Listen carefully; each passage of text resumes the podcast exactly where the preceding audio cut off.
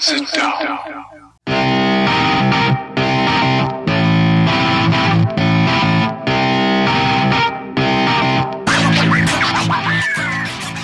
Witam wszystkich i każdego z osobna. Ja jestem Robert Kochan, a to jest Kochana NBA, najbardziej nieobiektywny podcast o najlepszej koszykarskiej lidze świata. To już 49. odcinek, tym razem nietypowo nagrany odrobinę wcześniej, bo w czwartek, no ale jednak jak zwykle jest tutaj ze mną Wiaro. Siema Wiaro, co tam u Ciebie słychać w ten czwarteczek? Siema Robert, cześć wszystkim. E, no, czwarteczek akurat u mnie bardzo zajęty, bo to z mojej winy w czwartek nagrywamy, a nie w piątek jak zwykle. Także przygotowania do wyjazdu. E, no ale cóż, NBA nie śpi, my też nie śpimy. Staramy się śledzić, co tam na bieżąco się wydarza. No i zaraz sobie o tym wszystkim chyba pogadamy, nie? No dokładnie tak. Co prawda ta liczba wiadomości, jeżeli chodzi o sezon NBA, ta liczba newsów spadła, już nie jest taka nasycona, nie ma tego aż tak dużo. E, zastanawiając się nad e, tematami na ten podcast, no wcale nie miałem jakoś e, szczególnie w czym przebierać. Natomiast jest kilka takich rzeczy na pewno, na których warto zwrócić uwagę i o których warto porozmawiać. Jedna z nich związana jest z opublikowaniem jakby pełnego kalendarza spotkań e, nowego sezonu. Już wiadomo kto, gdzie, kiedy i z kim e, się zmierzy. Drużyny na swoich profilach social mediowych prześcigają się w tworzeniu różnego rodzaju filmików, wizualizacji pokazujących właśnie e, gdzieś tam te kalendarze spotkań w przyszłym sezonie. No i w związku z tym poznaliśmy też jakby e, liczbę meczów, jakie poszczególne drużyny będą grały w tych takich najbardziej kluczowych czasach telewizyjnych, a więc też w tych takich ogólnonarodowych telewizjach amerykańskich, czyli poznaliśmy tę listę takich najbardziej prestiżowych meczów i okej, okay, może to nie mówi jakoś wiele o całym NBA, czy o sile, czy potencjale konkretnych drużyn, choć na pewno jest to z tym związane, to bardzo pokazuje to, na jakie drużyny NBA szczególnie chciałaby zwrócić uwagę, czy w których drużynach widzi ona taki największy potencjał marketingowy. No i pewnie nikogo nie zaskoczy, że na pierwszym miejscu kolejny sezon e, są Los Angeles Lakers, którzy e, w telewizji jakby ogólnonarodowej, w tym National TV, e, rozegrają 42 spotkania, czyli więcej niż e, połowę swoich spotkań Lakersi zagrają właśnie przed taką największą publicznością amerykańską. No, bez wątpienia jest to związane z powstaniem tej nowej wielkiej trójki, tak, w Lakersach. E, ciekawostka, bo na drugim miejscu są Golden State Warriors. NBA mocno jakby wierzy w ich potencjał i w to, że Clay Thompson wróci w świetnej formie i że Warriors będą e, znowu poważnym zagrożeniem e, na zachodzie. Warriors zagrają właśnie 41 takich meczów w National TV. Na trzecim miejscu są Nets z 37, potem Bucks 36, Phoenix Suns 33, New York Knicks 29, więc chyba taki pierwszy z tych, no można powiedzieć, troszkę słabszych zespołów w tej czołówce. Na siódmym miejscu są Clippers 27, 76ers 27, Dallas 26, no i pierwszą dziesiątkę kończą Utah Jazz z wynikiem również 26 meczów w National TV. Na jedenastym miejscu e, jest drużyna aktualnego MVP, czyli Denver Nuggets twoi, 25 meczów zagra, zagrają e, w National e, TV. Powiedz mi, jak, jak Ci się podoba w ogóle takie rozłożenie e, tych spotkań? Czy, czy to jest Twoim zdaniem fajne? Czy, czy coś innego, czy jakieś zmiany byś tutaj widział? E, no może po kolei. W ogóle fajnie, że akurat rozmawiamy o tym temacie, bo to naprawdę jest fajna ciekawostka, bo tutaj jeszcze jest jedna rzecz y, z tym związana, a mianowicie te mecze, które są rozgrywane i transmitowane właśnie w tych, tej publicznej telewizji amerykańskiej są też za darmo, nie trzeba ich nie trzeba mieć żadnych abonamentów na, na nie wiem, League Passa, nic w ten deseń, to po prostu leci w publicznej telewizji. I w związku z tym y, wiadoma sprawa jest, że, że to są mecze przed dużo większą publicznością, no bo w ogrom ludzi, którzy, którzy nawet się nie interesują jakoś specjalnie ligą NBA, to chętnie pewnie obejrzą właśnie taki, taki mecz wieczorem, gdzie grają Lakersi kontra, nie wiem, Brooklyn Nets. No i tak jak wspomniałeś tutaj, to jest bardziej lista drużyn, które NBA chce promować, które, które też są postrzegane jako taki no, największy entertainment, tak? czyli po prostu rozrywkę mm, fantastyczną. Tutaj właśnie Golden State świetnym tego przykładem są. Ja myślę, że to nie jest tylko tak, że NBA wierzy w to, że oni będą jakoś faktycznie pretendentem do tytułu w tym roku. Ja myślę, że to bardziej jest związane z tym, że po prostu każdy chce oglądać Stefa Kerego, nawet jeżeli to Steph Curry miał wygrać sam, tak jak w zeszłym roku, to to i tak są mecze, które cieszą się ogromną popularnością. Prawda. No, to jednak jest Stef, nie? Stef to jest gość, którego ja i ty i, i, każdy inny chętnie po prostu fan NBA chętnie obejrzy e, na boisku. E, także myślę, że to na pewno przez ten pryzmat należy na to patrzeć. To nie jest e, jakiś ranking drużyn, które mają największe szanse na mistrza czy coś w ten deseń. Absolutnie nie można się tutaj, to nie jest, nie jest żadnego typu power ranking. To po prostu świadczy o popularności drużyny. Fani Lakers chcieliby wierzyć pewnie, że jednak jest. Pani Lakers na pewno wierzą, oni mają teraz wielką trójkę, więc tam jest teraz radość, yy, oczekiwanie, wiesz, yy, pełni nadziei oczekują na, na, na zbliżający się sezon. Yy, natomiast wiesz, z mojego punktu widzenia, no to oczywiście gruby sprzeciw tutaj muszę y, zgłosić, że gruby jest dopiero na 11 miejscu. No kurczę, Jokic to jest też taki zawodnik jak Steph Curry, no może ludzie nawet myślę, że mogą nie wiedzieć, że chcą go oglądać. Jest pewnie spora część fanów, którzy go jeszcze nie widzieli y, w meczu na żywo i nawet nie zdają sobie sprawy z tego, jak fajnie się po prostu ogląda tego chłopa, e, jak on sobie dobrze radzi w tej lidze i, i jak naprawdę taką radosną koszykówkę prezentują Denver Nuggets. Także zadziwiony jestem, że tak mało inwestuje NBA w swojego MVP. Nie ma miłości dla MVP w NBA. A przynajmniej dla tych z Europy. No nie ma, nie ma. E, także no cóż, ja, ja oczywiście tutaj czuję się zbulwersowany tym faktem. Zdecydowany sprzeciw wnoszę nie dość, że nie dostaliście Christmas Game, to jeszcze nikt nie będzie mógł za bardzo was pooglądać w tym sezonie. A co ciekawe, to ta, ta liczba e, tych meczów właśnie w publicznej telewizji amerykańskiej jest rzeczywiście ogląda, oglądana przez ogromną rzeszę widzów i e, to też poniekąd może mieć przełożenie e, na to, do których drużyn ewentualnie będą chcieli dołączać wolni agenci, nie? Bo jednak jeżeli możesz się pokazać na tej takiej największej arenie, w tym największym świetle reflektorów z bardzo dobrej strony, no to automatycznie e, poprawiasz jakby wartość swojej marki, tak, jako zawodnika. Możesz podpisywać lepsze i większe kontrakty reklamowe, e, no i, i może się to przełożyć na, na całą twoją karierę, więc, e, a to z kolei może przełożyć się też na dobrobyt danej drużyny, więc no być może nie jest to tak do końca bez związku, co ciekawe, e, łaska pańska na pstrym koniu jeździ w tym przypadku, bo jeżeli e, no nie jesteś albo z tego topowego rynku, tak, czyli albo z Los Angeles, albo z Nowego Jorku, to łatwo możesz stracić te, te mecze, przynajmniej ich część i boleśnie przekonali się o tym Pelicans, bo w tamtym sezonie bodajże 33 mecze były z Zionem Williamsonem właśnie w, w tej publicznej ogólnonarodowej telewizji, a po słabym sezonie, kiedy znowu Pelicans e, no nie udało się nic pokazać e, na tej arenie NBA. E, ta liczba jakby drastycznie spadła, bodajże o, o dwie trzecie teraz to jest około chyba 10 meczów, więc no, jak się nie rozwijasz i, i, nie pokazujesz z dobrej strony, albo nie masz czegoś naprawdę takiego super specjalnego, no to może się okazać, że znikniesz, tak, z tych, tych telewizyjnych anten. No, tutaj 100% racji masz w tym, co mówisz. No jednak trzeba wziąć pod uwagę, że NBA to są, to są naprawdę niezłe cwaniaki. To jest liga, w której zarządzie są bardzo, bardzo łebscy ludzie. Oni naprawdę wiedzą, jak, jak to robić. Świetnie się ta liga rozwija od lat. No i oni na pewno biorą tutaj mnóstwo czynników pod uwagę, kiedy, kiedy określają właśnie to, które drużyny będą grały w publicznej telewizji. To nie jest absolutnie tylko tak, że sugerują się właśnie tym, kto, nie wiem, kto ma LeBrona Jamesa, gdzie gra Zion Williamson i tak dalej. Na pewno wyniki tych drużyn i to, jak te drużyny właśnie się prezentowały, jak, jakie miały, jaką oglądalność zapewne miały mecze e, tych drużyn w zeszłym sezonie właśnie w tej publicznej telewizji. Ja myślę, że tam jest mnóstwo takich czynników, które tutaj y, trzeba brać pod uwagę. No ale na pewno najbardziej przyciągają gwiazdy i mm, NBA ma teraz no, bardzo duży dobrobyt, jeżeli o gwiazdy chodzi. Jest kogo promować. Ma dwie fantastyczne drużyny na wschodzie i zachodzie, które mają wielką trójkę. Mają Los Angeles Lakers i Brooklyn Nets. Drużyny naprawdę z kosmicznym talentem w tym momencie. A oprócz tego mają mistrzów z zeszłego sezonu, gdzie gra Janis.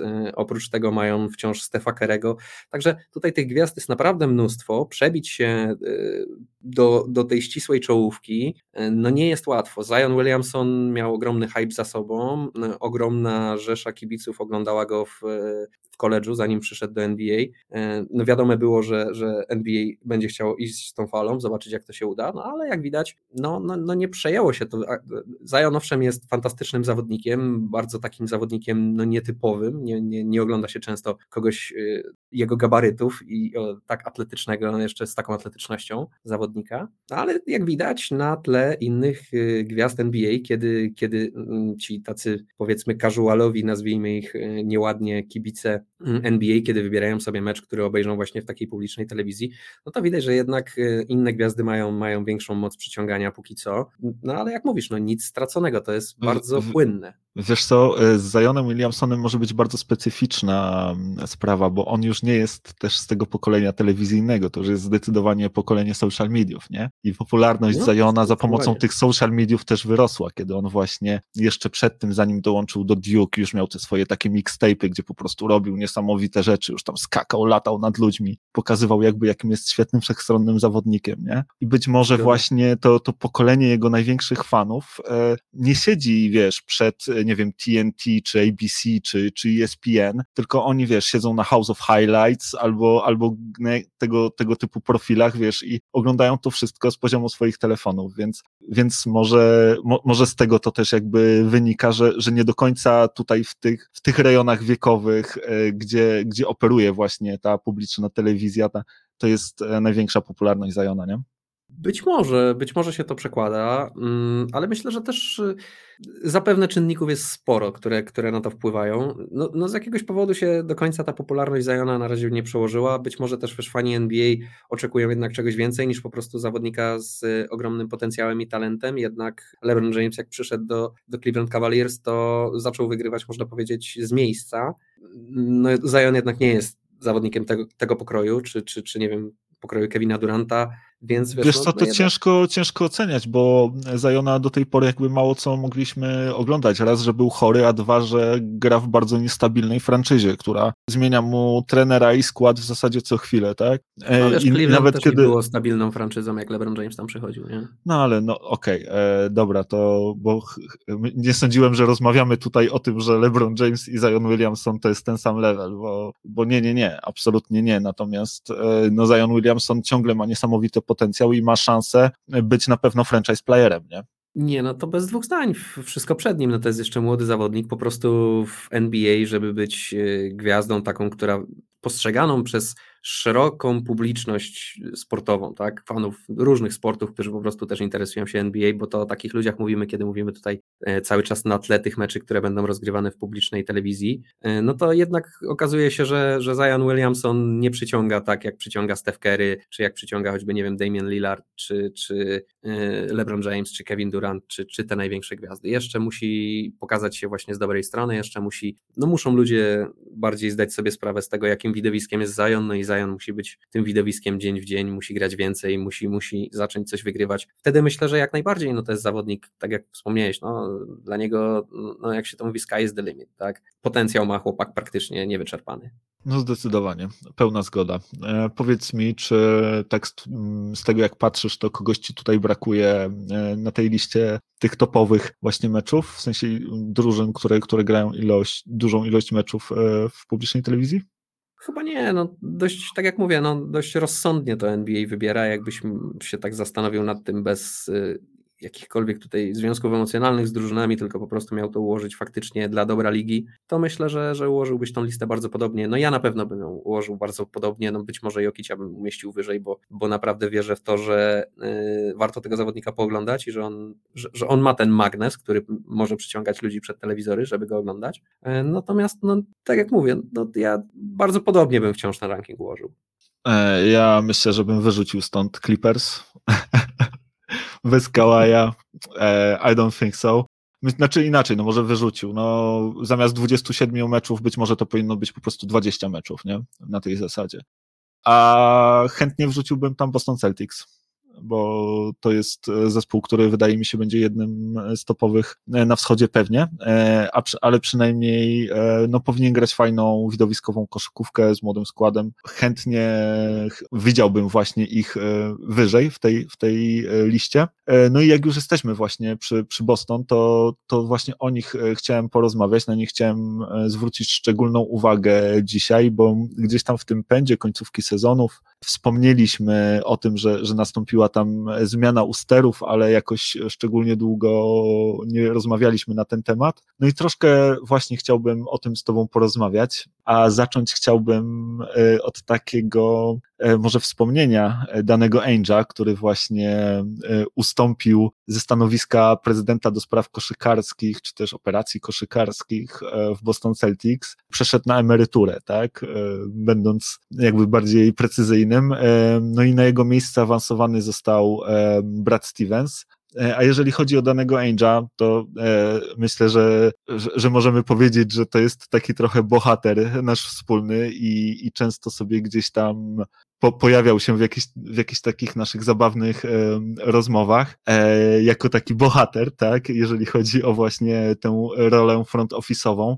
E, słuchaj, e, Dany dołączył do Celtics jako właśnie ten główny menadżer zespołu w 2003 roku i jednym jakby z jego pierwszych um, zadań, jakie przed nim stanęły, to było posprzątanie zespołu i on podjął kilka takich, no, można powiedzieć, troszkę kontrowersyjnych decyzji, bo na przykład wytradował ówczesną gwiazdę zespołu Antoana Walkera, który, e, no, mimo że był lubiany przez fanów i był uważany za dobrego zawodnika, to dzisiaj, jak się spojrzy na jego karierę, a zwłaszcza skuteczności rzutowe, to e, chyba można powiedzieć, że to była bardzo dobra decyzja. No i zaczął, zaczął właśnie swoje zmiany wprowadzać w Bostonie, zaczął budować drużynę wokół młodego Paula Pierce'a, o którym e, wtedy się gdzieś tam mówiło jeszcze, że jest luzerem, że, że nie będzie potrafił wygrywać. No i w 2007 roku Dany sprowadził mu pomoc Kevina Garneta z, z Minnesota Timberwolves i Raya Allena z Seattle Supersonics. No i e, w ramach podziękowań w 2008 roku został e, ogłoszony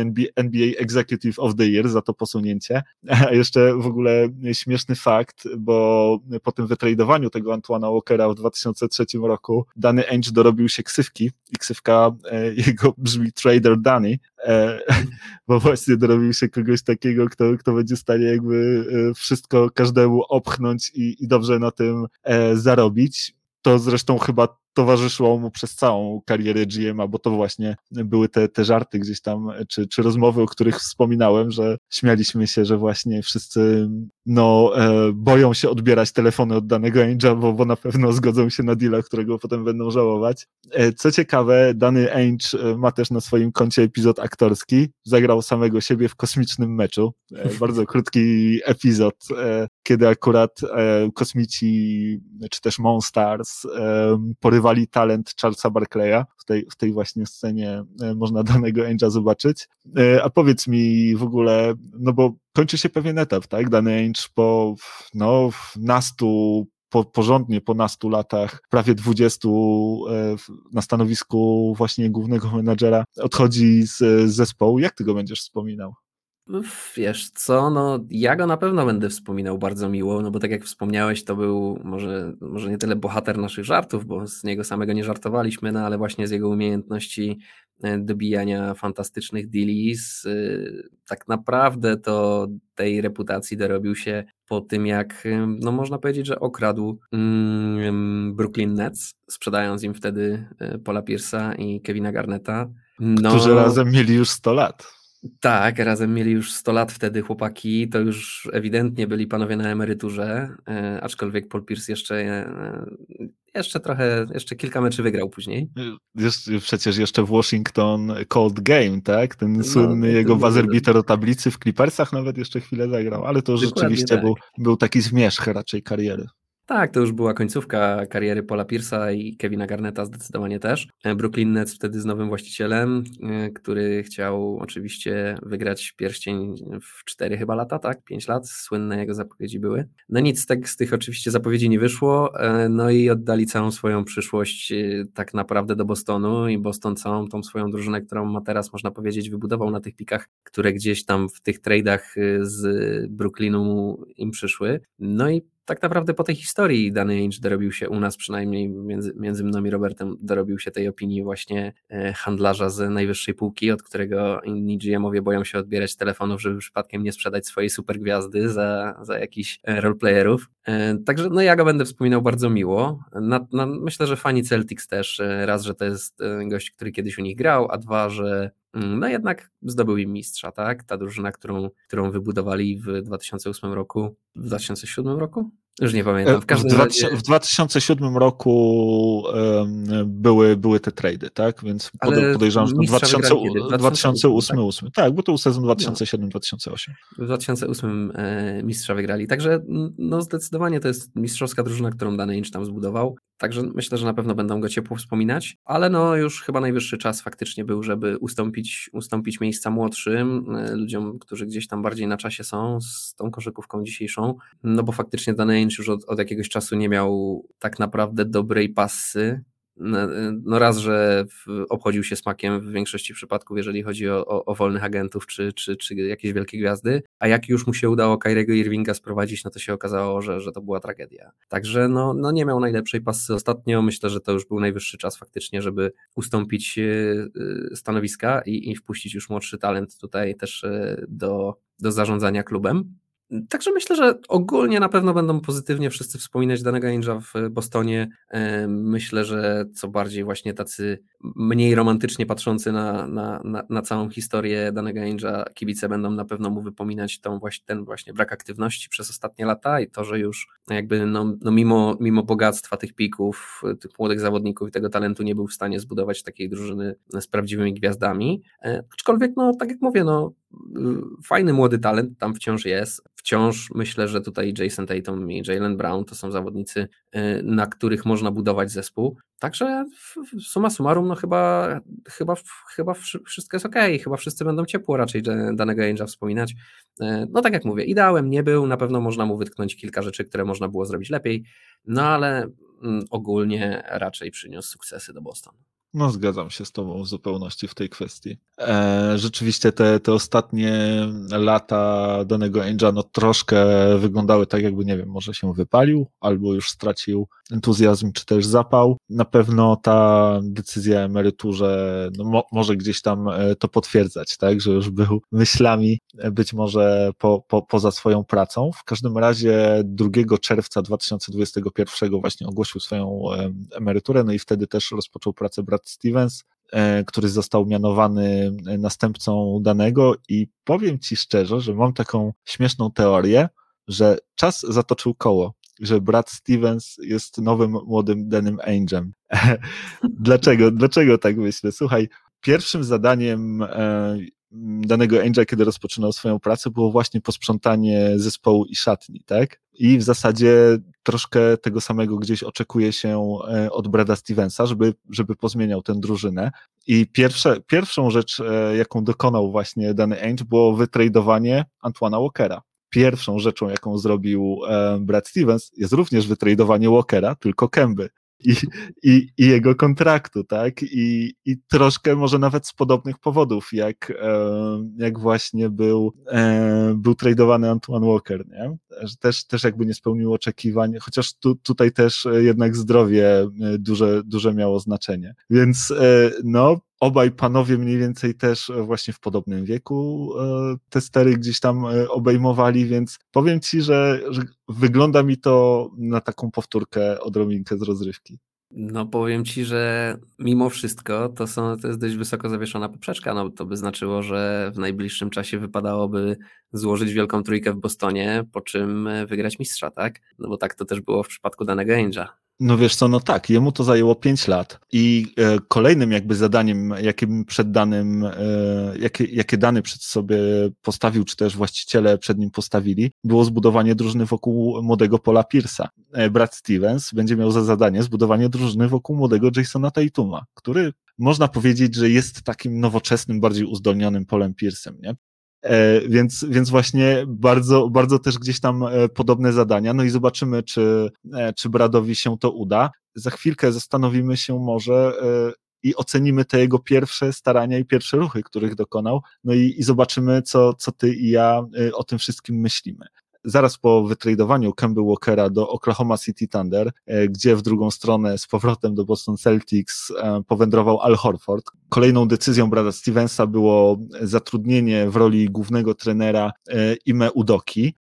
Ime Udoka to były gracz NBA, który, który zakończył swoją karierę w 2011 roku i e, od razu jakby został e, asystentem w Spurs u trenera Popowicza. On właśnie kończył swoją karierę koszkarską w Spurs i od razu został asystentem Popowicza i jako asystent pracował tam do 2019 roku, po czym przeniósł się do Filadelfii, gdzie był asystentem Bretta Browna, więc tutaj też taka troszkę szkoła Spursowa. Poprzedni rok e, spędził jako asystent e, w Nets e, pod Steve'em Nashem, no i właśnie dostał propozycję objęcia zespołu i debiutu w roli głównego szkoleniowca w Boston Celtics od Brada Stevensa. Zobaczymy, jak sobie poradzi na pewno kwalifikacje niezbędne i wszystkie umiejętności do tego ma. Zobaczymy, czy będzie potrafił e, znaleźć wspólny język z tymi e, młodymi zawodnikami. E, no ale na tym jakby aktywność Brada Stevensa się nie skończyła, bo on też sprawił, że,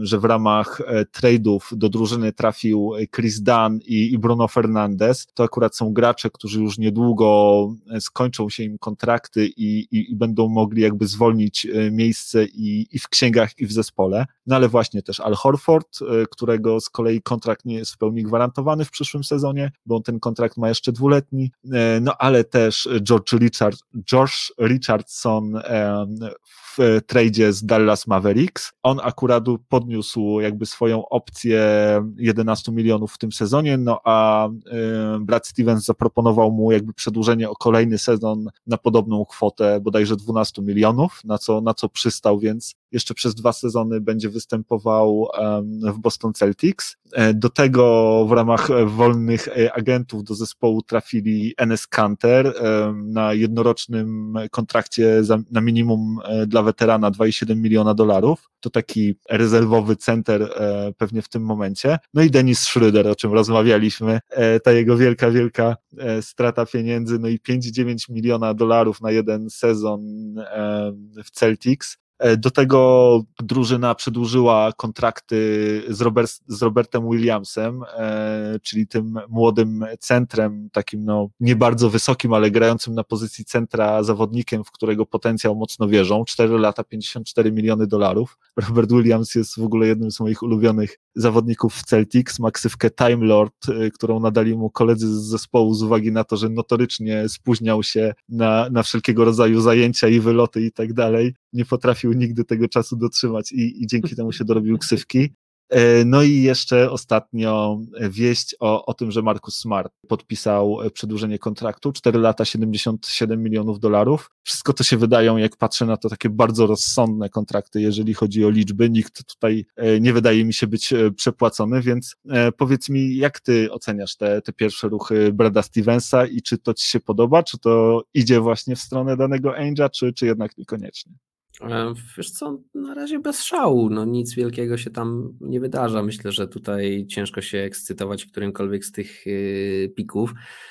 No tak naprawdę wciąż siła tej drużyny to jest Jason Tatum i Jalen Brown i bardzo dużo zależy od tych dwóch zawodników, tego jak się będą prezentować. Jasne, trzeba zbudować naokoło nich fajną drużynę, która będzie potrafiła coś pokazać. Nie wiem, czy to jest to. Być może, no być może mnie zaskoczą, być może będzie tak, że faktycznie to jest to miejsce, w którym ci zawodnicy gdzieś się odnajdą, bo tacy grajkowie jak Enes Kanter czy Josh Richardson mnie absolutnie nie przekonują.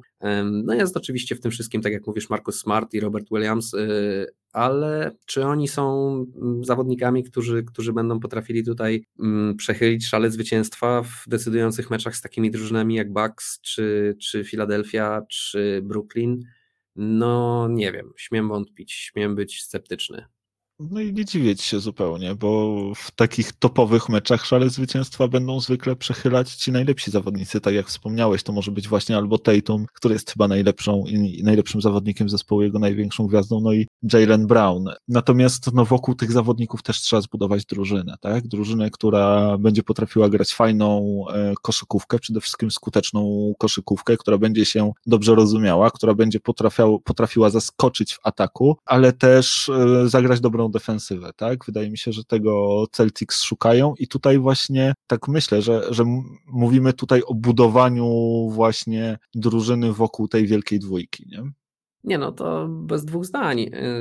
Natomiast wiesz, no, budowanie drużyny to też nie jest taki proces, że po prostu się go wykonuje niezależnie od tego, jakie są warunki. No, tak naprawdę to robisz to, na co ci rynek pozwala. No nie zawsze jak wybierasz z pierwszym numerem w drafcie, to jest LeBron James do wzięcia. Nie? Więc y, tak samo jeżeli chodzi o przebudowę drużyny, no fajnie by było, żeby sobie y, sprowadzić, no nie wiem, jeszcze przynajmniej jedną gwiazdę do tej drużyny, kogoś zawodnika, który mógłby stanowić y, wsparcie dla, dla Tatuma i dla Browna. No ale też nie ma za bardzo w czym wybierać, nie ma za specjalnie co w zamian oddać. No, no nie ma w tym momencie chyba jakichś wielkich możliwości na budowanie takiej drużyny.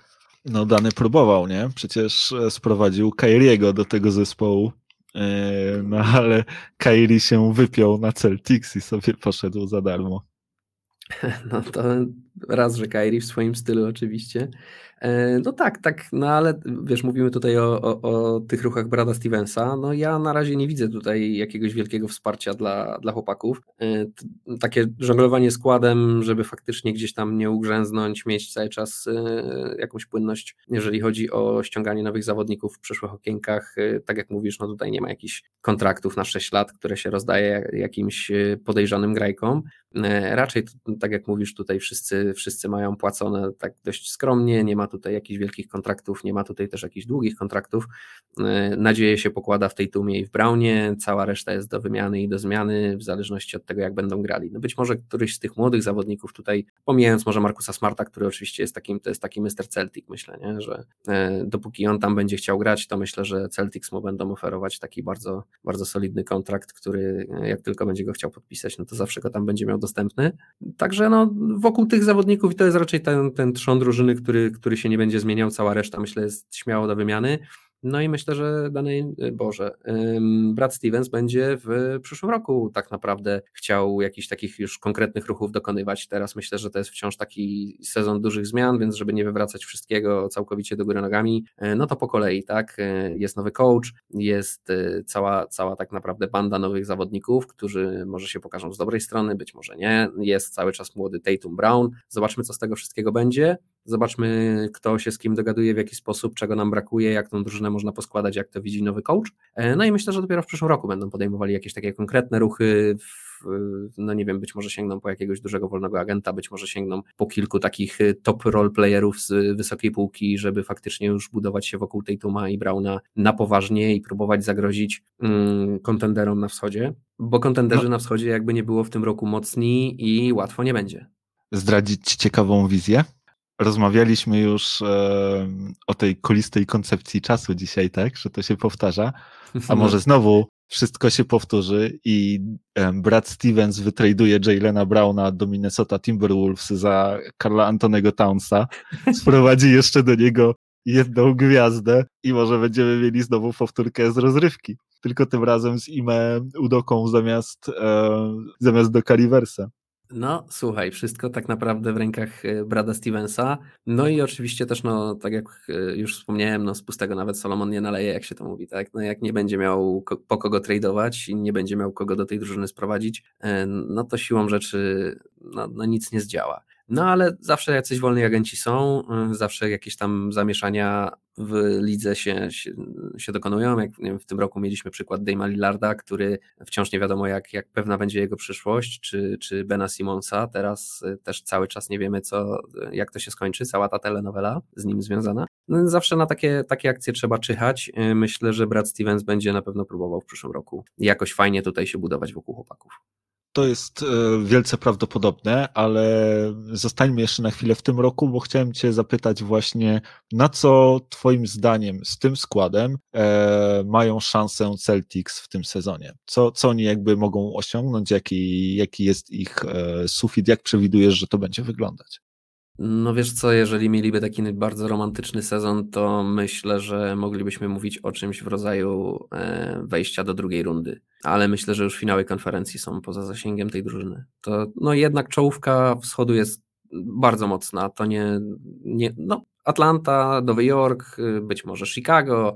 No tutaj będzie, że tak powiem, do wyboru do koloru. Każdy będzie miał szansę e, tak naprawdę zawalczyć o te miejsca w playoffach, ale już faktycznie wyjść poza pierwszą rundę tak naprawdę to już nie będzie łatwo. No a w drugiej rundzie no to już, to już spotkasz na pewno kogoś z tej wielkiej trójki i myślę, że na tym się będą kończyć tutaj szanse e, tej drużyny. A w sezonie zasadniczym? No w sezonie zasadniczym, no to tak jak mówię, no playoffy, nie, nie wydaje mi się, żeby wybili się ponad którąś z tych trzech drużyn, być może to będzie czwarte miejsce, być może to będzie szóste miejsce, nie wydaje mi się, żeby y, można było mówić o tym, że ta drużyna się nie załapie do playoffów, y, ale być może będzie im ciężko o to, być może będą walczyć w play-in turnamencie. Tak jak mówię, ja nie widzę tutaj jakichś y, wielkich wielkiej hierarchii na wschodzie, jeżeli chodzi o ten sezon. Wydaje mi się, że mamy trzy drużyny, które ewidentnie będą się biły o trzy pierwsze miejsca i sporo drużyn, które się będą biły o całą resztę tych miejsc, które są w miarę na, na takim samym poziomie. A czy twoim zdaniem na przykład Celtics są mocniejsi niż Miami Heat? Nie, myślę, że to jest drużyna właśnie z tego tieru. Nie? Tak naprawdę się okaże. Myślę, że tutaj każdy ma szansę wygrać z każdym. A Atlanta Hawks? No, to jest dokładnie to Atlanta Hawks, Nowy Jork, być może Chicago się do to, tego tieru załapie. To jest ten tier, tak? To, mhm. to, to możesz wylądować e, pomiędzy 4 i 10, tak? Dokładnie tak. Dokładnie tak. Playoff, play-in tournament. E, pewnie Washington ma szansę. Zobaczymy, jak zagrają, ale, ale też się gdzieś tam znaleźć, nie? Szanse mają, aczkolwiek Bradley Bill to trochę mało. Spencer Dinwiddie, tak? Okej, okay, ale to są bardzo podobni zawodnicy. Ja nie wiem, jak oni będą ze sobą dobrze grali. No, myślę akurat, że obaj mają szansę się, się uzupełniać. Bradley Bill jest bardziej takim shooting guardem, Spencer Dinwiddie takim combo guardem, ale z, ze sporymi umiejętnościami, jeżeli chodzi o rozegranie, więc wydaje mi się, że spokojnie się uzupełnią. E, słuchaj, w tych, druż w tych drużynach ze wschodu, e, które gdzieś tam teraz wymienialiśmy, nie wymieniliśmy jednej, a ona chyba też do tego właśnie tieru samego przynależy. I mam na myśli tutaj Charlotte Hornets, bo, bo o nich też e, chciałbym sobie z Tobą teraz chwilę chwilę porozmawiać, a konkretnie chciałbym zacząć tutaj od Terego Roziera, który e, podpisał niedawno przedłużenie kontraktu czteroletnie, 97 milionów dolarów do 2026 roku. To jest mniej więcej podobny kontrakt, jakiego oczekiwał, że dostanie Denis Schruder, zanim się obszedł smakiem, ale myślę, że, że on żył właśnie marzeniami i, i wiarą e, mniej więcej w taki kontrakt, że, że gdzieś dostanie. No niestety muzyka przestała grać, okazało się, że wszystkie krzesła są zajęte, no i, i, i stał tak e, samotnie na środku sali i w końcu, w końcu trafił do Celtics. Natomiast właśnie ten Rozier e, łączy troszkę te dwa zespoły, Celtics i Hornets, i jest też takim troszkę przykładem zawodnika, którego wydaje mi się w tych pierwszych sezonach kariery bardzo wiele osób, w tym pewnie i my, w jakiś sposób już określiło, że wiemy kim i jakim zawodnikiem jest Terry Rozier, a tymczasem po przejściu do Charlotte Hornets ten gracz no, absolutnie rozkwitł, e, gra dużo, dużo, dużo lepiej. E, podczas czterech sezonów spędzonych w Celtics e, Terry Rozier grał 20 minut średnio w, w każdym meczu, robił prawie 8 punktów, e, rzucając 38% z pola, 35 za 3 i 77 z osobistych. Do tego dokładał, no tam nie wiem, po dwie, dwie asysty, trzy zbiórki, Natomiast e, Charlotte Hornets w trakcie dwóch sezonów gra 34 minuty średnio na mecz, robi 20 punktów prawie, e, na skuteczności 43% z pola, 40% za 3 i 84 z osobistych. No i właśnie, 4 jeszcze asysty i 4,5 zbiórki do tego, więc e, zapracował sobie solidnie Terry Rozier na, ten, na to przedłużenie kontraktu, na te, na te pieniądze i powiem Ci, że wyrósł trochę, no przynajmniej na, na takiego starting point guarda w tej lidze. Tak mi się przynajmniej wydaje i bardzo podoba mi się rozwój tego zawodnika. Ty go, ty go lubisz? Ciężkie pytanie, czy ja go lubię, ale z jakiegoś powodu mu nie ufam. I jest coś w tym, w tym, w tym gościu, co sprawia, że mam dystans i podchodzę z mocno z dystansem do, do, do wszelkich właśnie takich yy, zachwaleń, bo owszem, zagrał świetny sezon, ale też mam wrażenie, że to może być ten syndrom ostatniego roku kontraktu, który wielu zawodników w NBA prezentowało na przestrzeni wielu, wielu yy, wcześniejszych lat. Yy, wielokrotnie obserwowaliśmy, że jeżeli komuś kończy się kontrakt i pracuje sobie na następny i, i tak naprawdę jego przyszła wypłata w dużej mierze zależy od tego, jak się w tym sezonie pokaże, to ci zawodnicy mają tendencję do tego, żeby grać naprawdę dobrze, e, a potem jest różnie.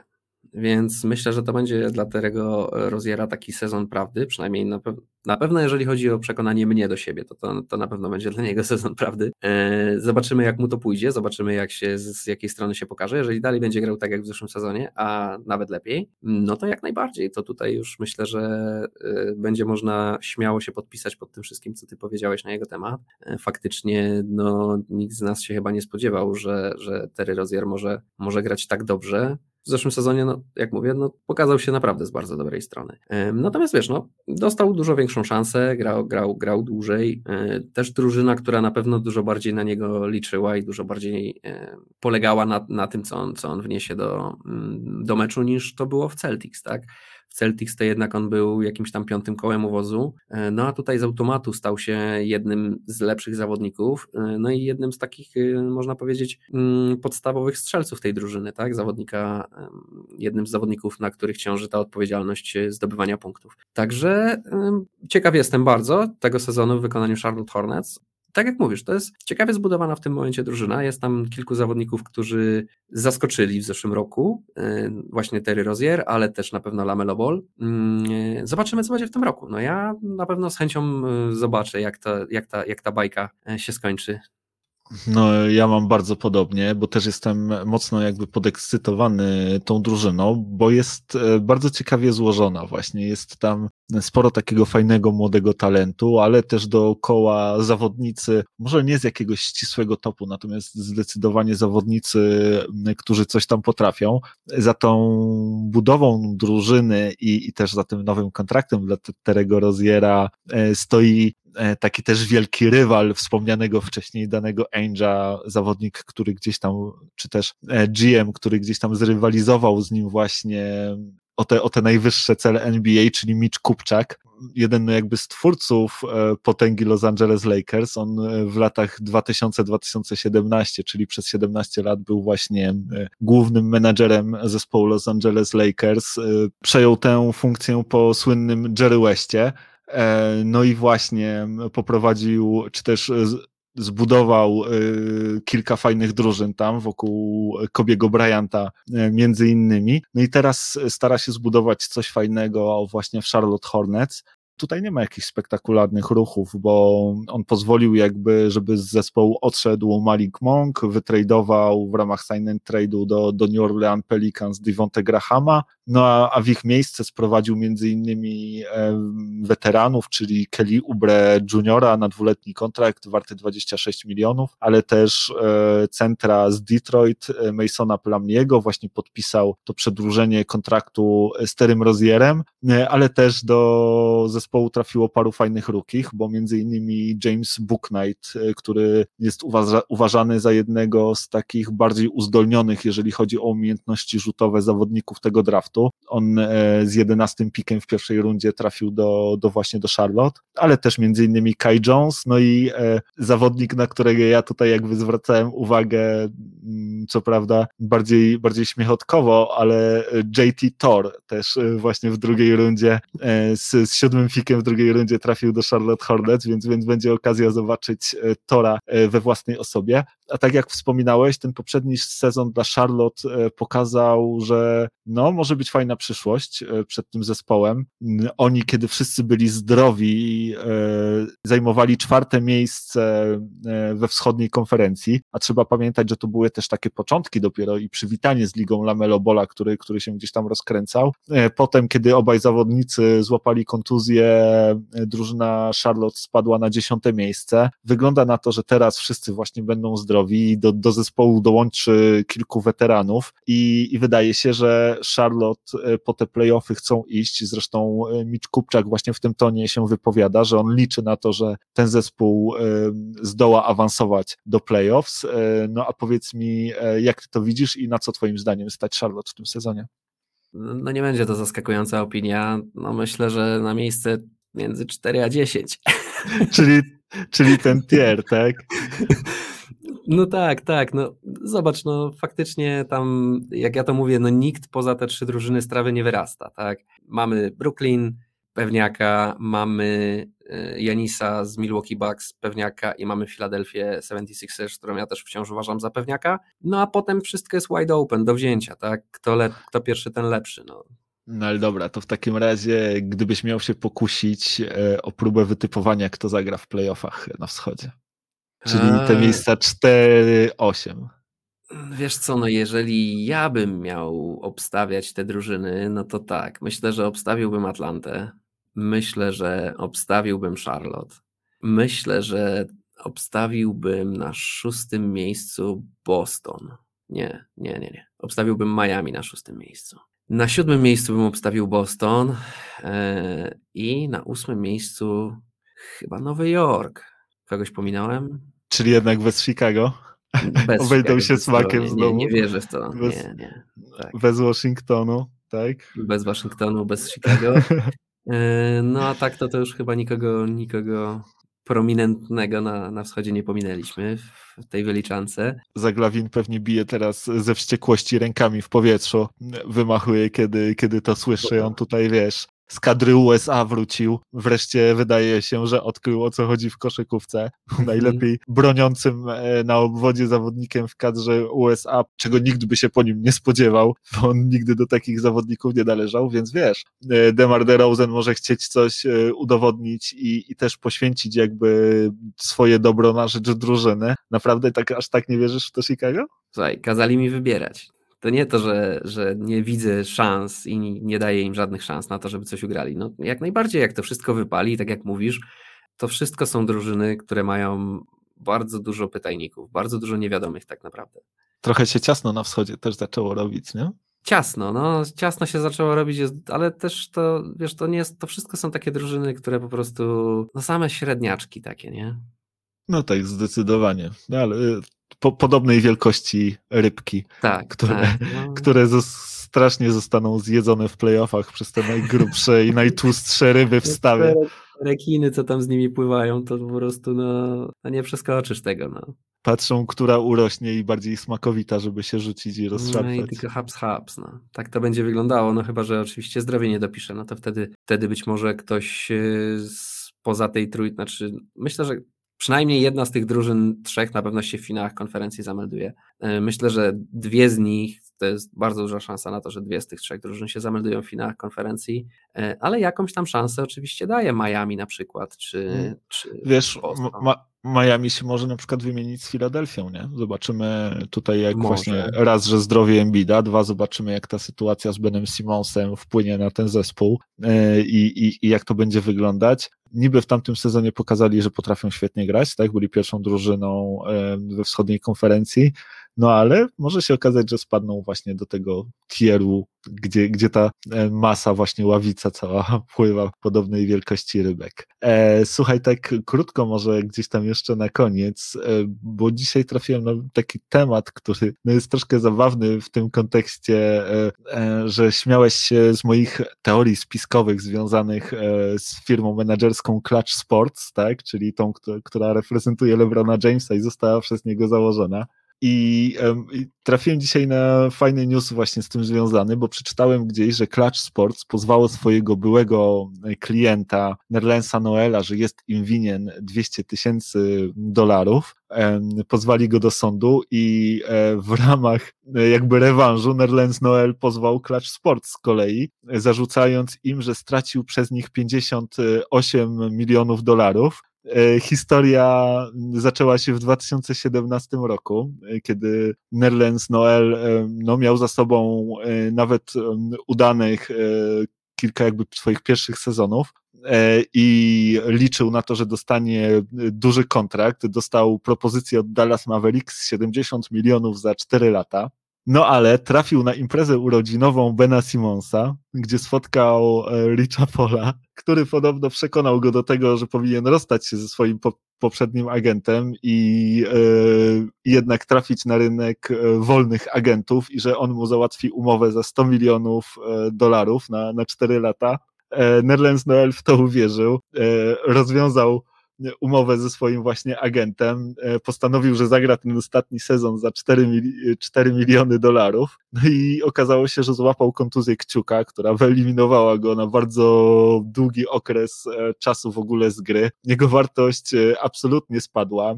Potem kilka zespołów podobno się jeszcze do niego zgłosiło z naprawdę niezłymi umowami, no ale nic z tego nie wyszło, podobno dlatego, że Rich Paul bardziej był zajęty umowami związanymi właśnie z LeBronem Jamesem, z tymi swoimi topowymi klientami, z Antonym Davisem i z Benem Simonsem, no i nie miał czasu za bardzo zająć się do końca sprawami, sprawami Nerlensa Noela, przez co te umowy przeszły mu obok nosa i e, no gdzieś tam jego kariera zaczęła się mocno staczać. On dopiero właśnie niedawno troszkę odbił się i, i zaczyna znowu piąć się w górę. E, podpisał e, kilkuletni kontrakt właśnie z New York Knicks, no ale wcześniej grał na takim, na takim małym, minimalnym. No i za podpisanie tego kontraktu właśnie Clutch Sports pozwali go o te 200 tysięcy, więc e, powiedz mi, czy, czy to w jakiś sposób uwiarygadnia ci moje teorie spiskowe, czy, czy ciągle nie? No nie, no to po, po, pierwsze to wszystko jest rzekomo, a po drugie no, ciężko mi uwierzyć w teorie spiskowe. E, ja rozumiem za długo cię znam i za, zbyt wiele razy z tobą rozmawiałem na ten temat, żeby, żeby, żeby nie zdawać sobie sprawy, z czego to tak naprawdę wynika. Więc y, no nie, nie wciąż mnie nie przekonujesz. Czyli nawet kiedy byli klienci, y, zgłaszają sprawę do sądu, twierdząc, że y, ich agent działał na ich niekorzyść i stracili przez, przez niego dużo pieniędzy, to ciągle jakby w to nie wierzysz, tak? E, no wiesz, z drugiej strony agent y, mówi, że zawodnik jest im winien 200 tysięcy dolarów, więc to, e, no to są spory pomiędzy ludźmi. Wolę, wolę, żeby to rozstrzygnięte zostało przez inne organy niż przeze mnie, bo ja nie znam wszystkich szczegółów tego, jak to do końca tam było. Natomiast śmiem wątpić jednej i drugiej stronie, e, dopóki że się to nie wyjaśni w jakiś normalny, sensowny sposób, bo to są jednak interesy i pieniądze, a wiadomo jak to jest. No tak jak mówisz, Nor Norlens, no Noel stracił e, no, grubą kasę, e, więc na pewno mm, gdzieś mu to, wiesz, leży na sercu, a czy ja to była wina, czy to była wina jego agenta? No być może, słuchaj, no ja, tak jak mówię, ja naprawdę nie wiem, jak to tam do końca jest, ciężko mi po prostu w to uwierzyć, bo to nie są klienci też, tylko klient jeden, konkretny i też specyficzny przypadek tego wszystkiego. Nie, no oczywiście, że tak, oczywiście, że tak. Oczywiście też to wszystko e, pół żartem, pół serio, tak, e, na, na, na sam koniec i dziękujemy wam bardzo, że, że zostaliście z nami do tego momentu. E, oczywiście zachęcamy was do tego, żebyście, jeżeli macie do nas jakiekolwiek pytania lub chcielibyście się z nami czymś podzielić, to napiszcie do nas od razu prosto na kontakt małpka albo uderzajcie bezpośrednio na Facebooku, czekamy na wasze komentarze i, i pytania, tak? Tak? Pytajcie o co tylko chcecie. No i oczywiście zapraszamy Was też już za tydzień na 50. odcinek naszego podcastu, okrągły bardzo. E, powiem Ci szczerze, że nie spodziewałem się na samym początku, że, że uda nam się dobrnąć do, do aż tylu odcinków, ale mm. właśnie przed nami ten 50. Zobaczymy, może przygotujemy coś, coś fajnego z tej okazji, więc już teraz Was gorąco zapraszamy. E, no i co? No i raz jeszcze dziękujemy Wam, e, że byliście z nami i życzymy Wam miłego i spokojnego tygodnia, tak? I trzymajcie się ciepło. No dokładnie tak, nic dodać, nic ująć. Trzymajcie się cieplutko i do usłyszenia po 50.